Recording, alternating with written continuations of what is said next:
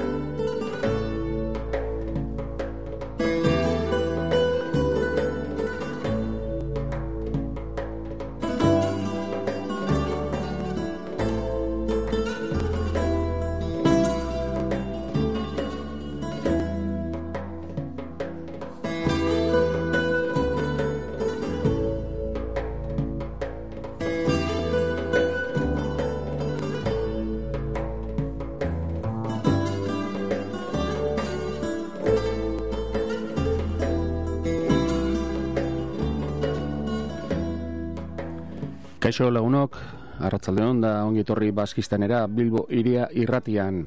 Gaurko gure saioan lehenengo ordu erdian e, Kabulera ingo dugu bidaia Afganistanera.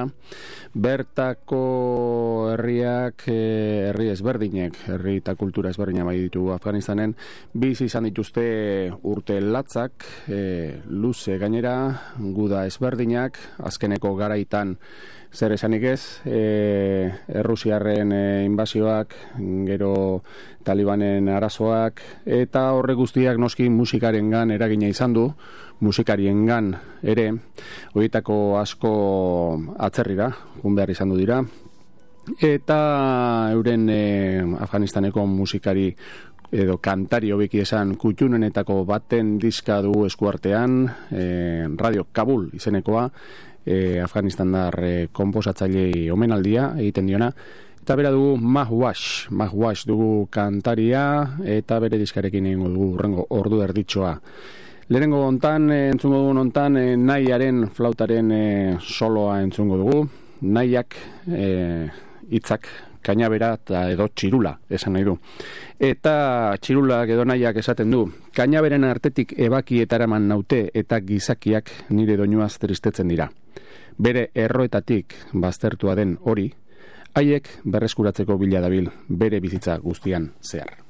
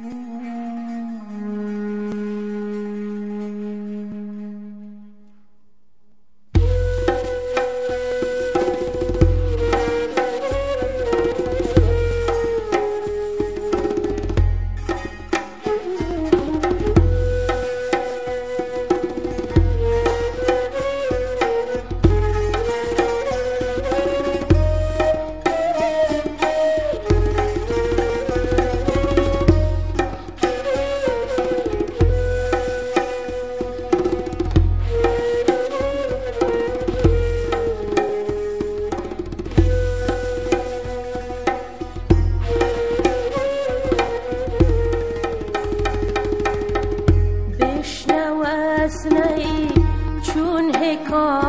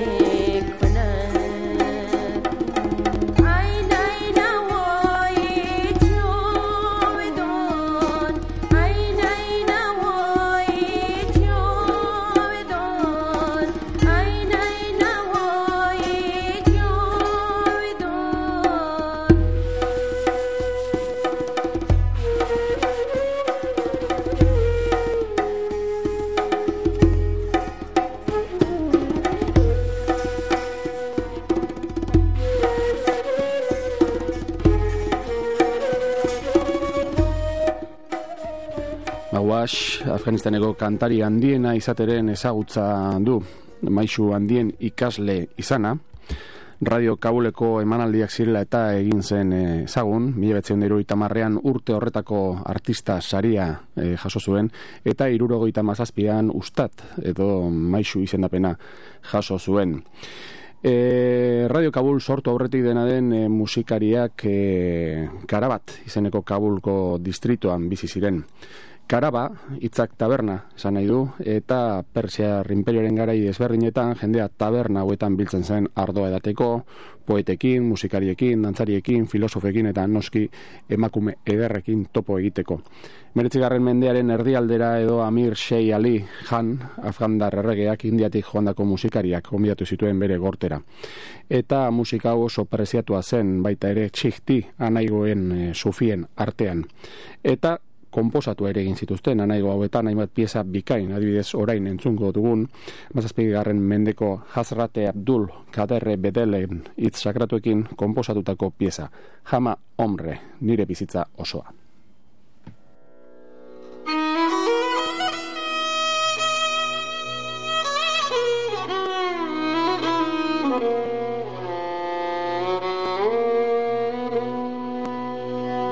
Hama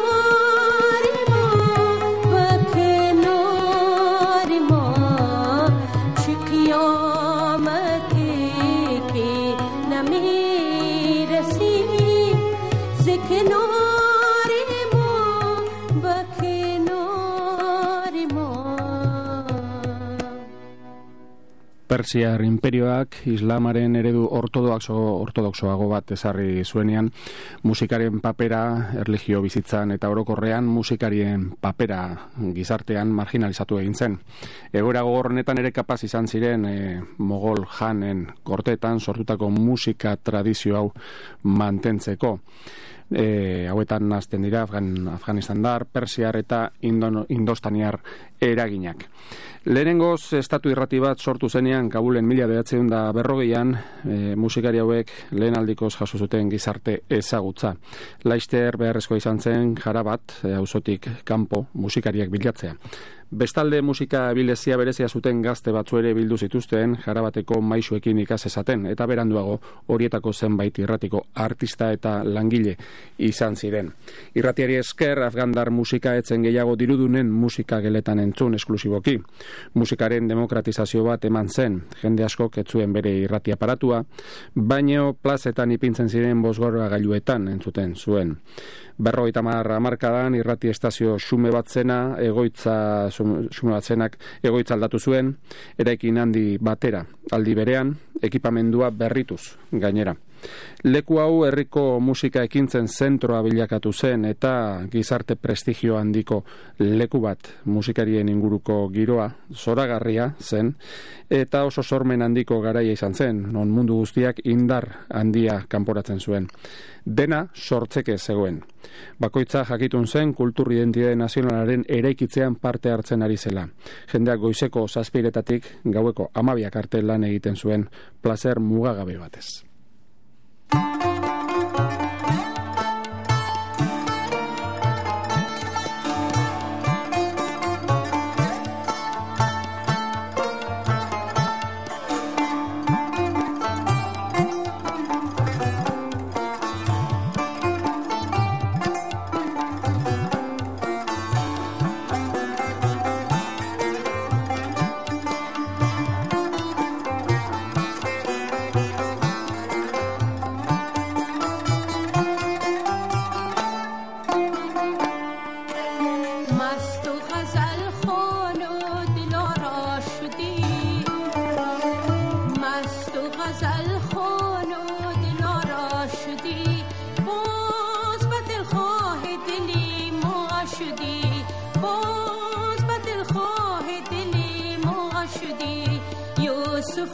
من رشک زلی شدی. یوسف من رشک زلی شدی. نام خدایار چیزی با شدی. نام خدایار چیزی با شدی. مست و غزل خان و دلارا شدی.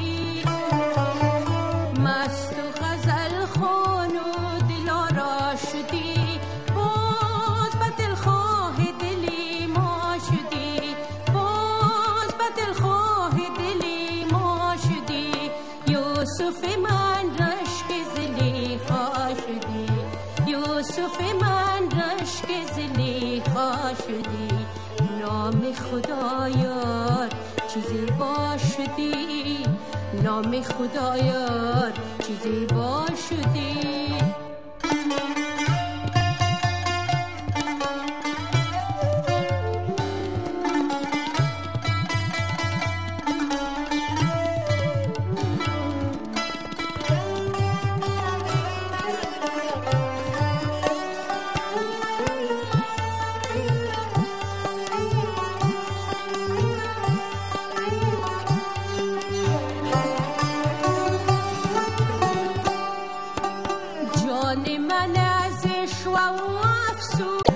گشت دلم والا و مفتون تو. گشت دلم والا و مفتون تو. خلق خدا شد همه مجنون تو. خلق خدا شد همه مجنون تو. زان که تو هم پایه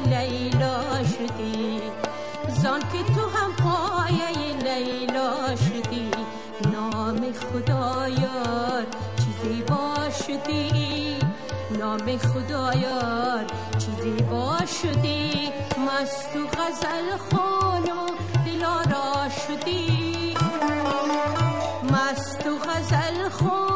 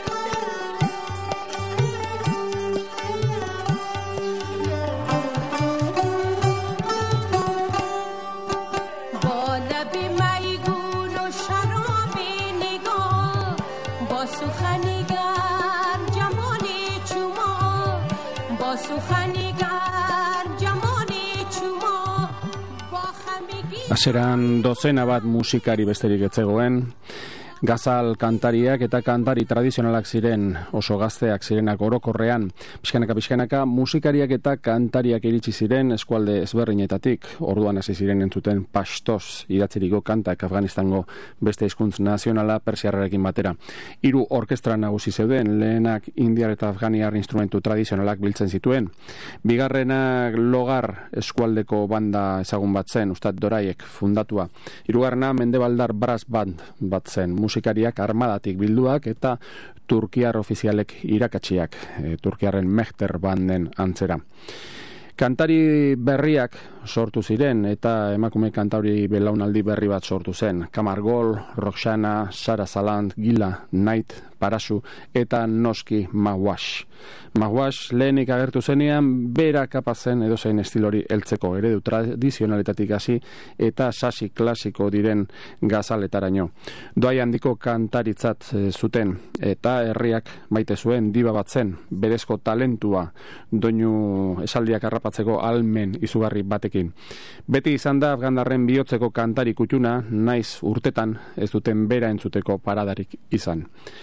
Entzuko dugun urrengo kantaren jatorria ez da ezaguna, jarabatetik edo indiatik etorria izan daiteke edozein kasutan indiarren filmetako musikaren garapena dugu.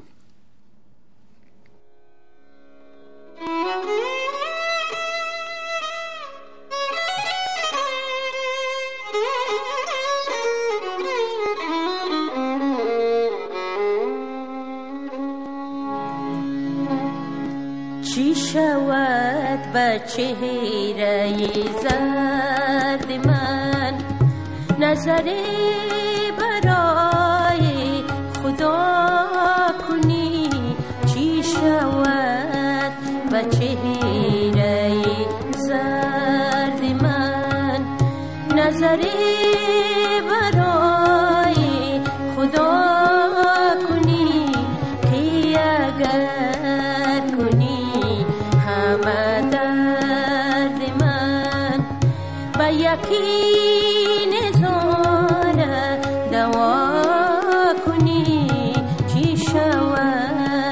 Bay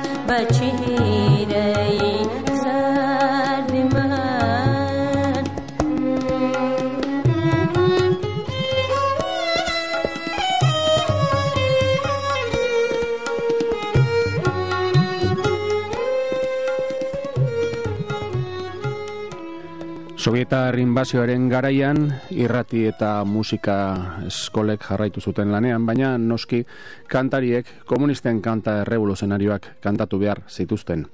Sovietarrak joan zirenean, mila deratzeun dalaro mabian, eta mujaidinak iritsi zirenean, musika eskola itxi zuten. Tresnak konfiskatu, arte derretako unibertsitatea ere itxi egin zuten. Irratian, emakume kantari guztiak, antxe zeuden emakume kantari guztiak bota zituzten. Talibanekin egoerak oraindik ere okerrera egin zuen. Kantatzea debekatu zuten, bai gizonek kantatzea eta instrumentuak jotzea ere. Bakarrik onartzen ziren akapela eginiko erligio kantuak. Hala ere, debeku guzti hauek ez dute kultur ederrau suntxitzea lortu eta horren erakusgarri dugu Maguasen Radio Kabul eta Afganistan dar konbosatzaileen eginiko omenaldi hau. Diska ederra, 2002an argitaratua, e, Harmonia Mundik eginiko distribuzioan, akor kruaze e, disketxearen bitartez. Guztiz gomendagarria Afganistaneko musikak zautu nahi dituenaren zat. Eta azkeneko kanta bat entzungo dugu, gure gaurko lehenengo ordu erdia honi amaiera emateko.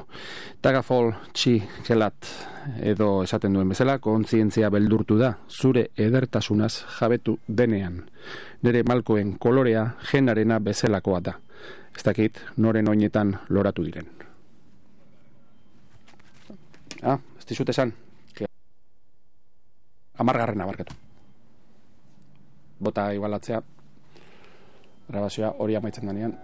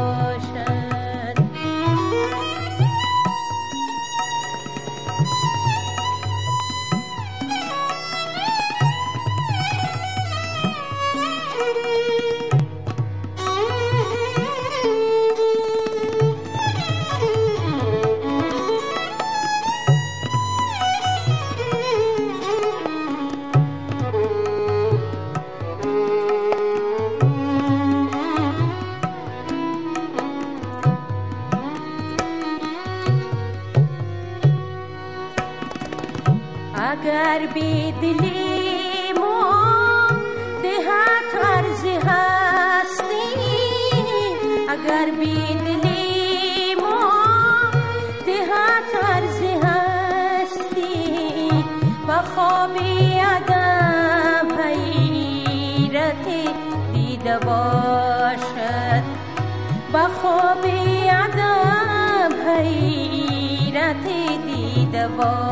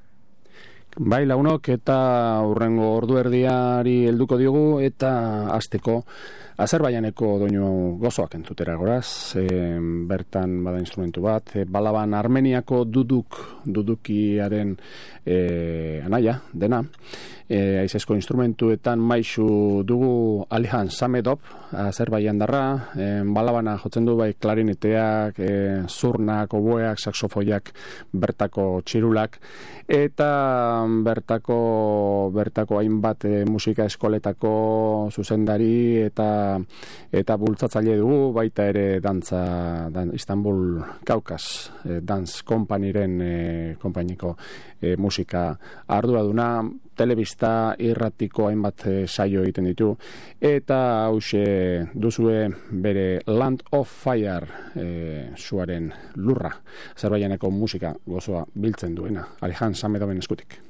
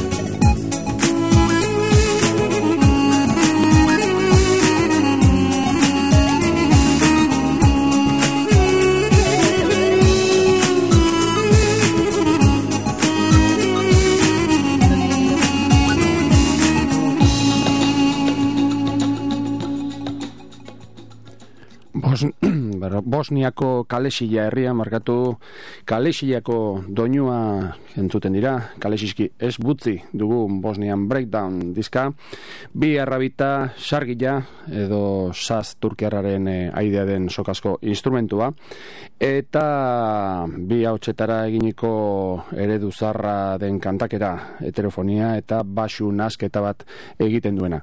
Gauza oso berezia, kalesiski ez butzi hau, e, The Unpronounceable Beat of Sarajevo, Bosnian Breakdown, eta hau duzue, ho, ho, stoje lilepo.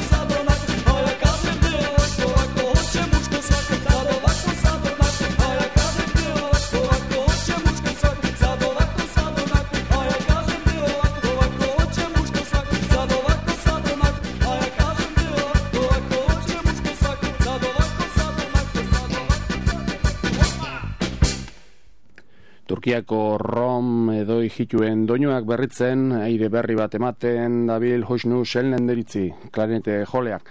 Latzo taifa du bere taldea, eta Roma edo hijituen doinu tradizional hoieki, hoiei ematen die alako groove edo jazz ikutu bat.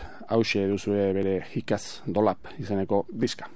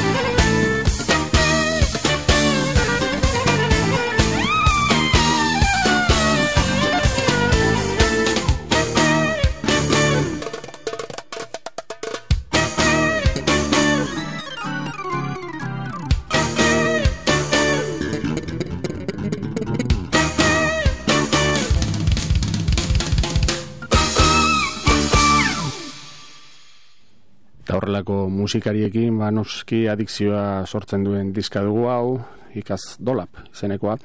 Berekin batera, Josinu Selendiritzik e, klarinetea trompetak e, zurnak jotzen ditu, eta berekin batera musikari, musikari hainbat musikari ditugu, baglama, kanuna, biolina, perkusioa, e, bateria, basua eta tek, e, teklatuak jotzen dituztenak. Etungo dugu nahuxe, Josinu Selendiritzeren e, komposaketa bat dugu, puskulu izenekoa.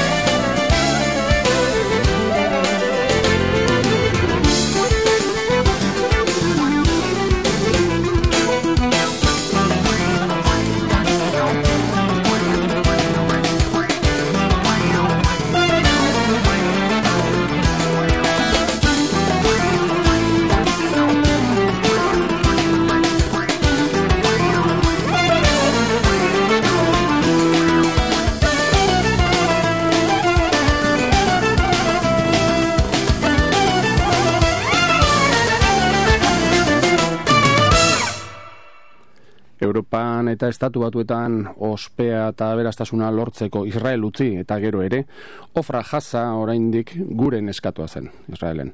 Bere lorpenek herria postu zuten, ikusten bait e, zuten e, beste Israeldar pop abeslaririk lortu ez zuen nazioarteko arrakasta maila lortzen.